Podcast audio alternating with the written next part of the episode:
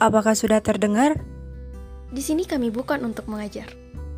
Kami juga manusia yang masih belajar. Tak minta apa-apa, hanya ingin mencurahkan keresahan. Segelintir isu-isu yang dibahas sudah sering diperbincangkan. Lalu, bagaimana perspektif kami? Selamat, mendengarkan.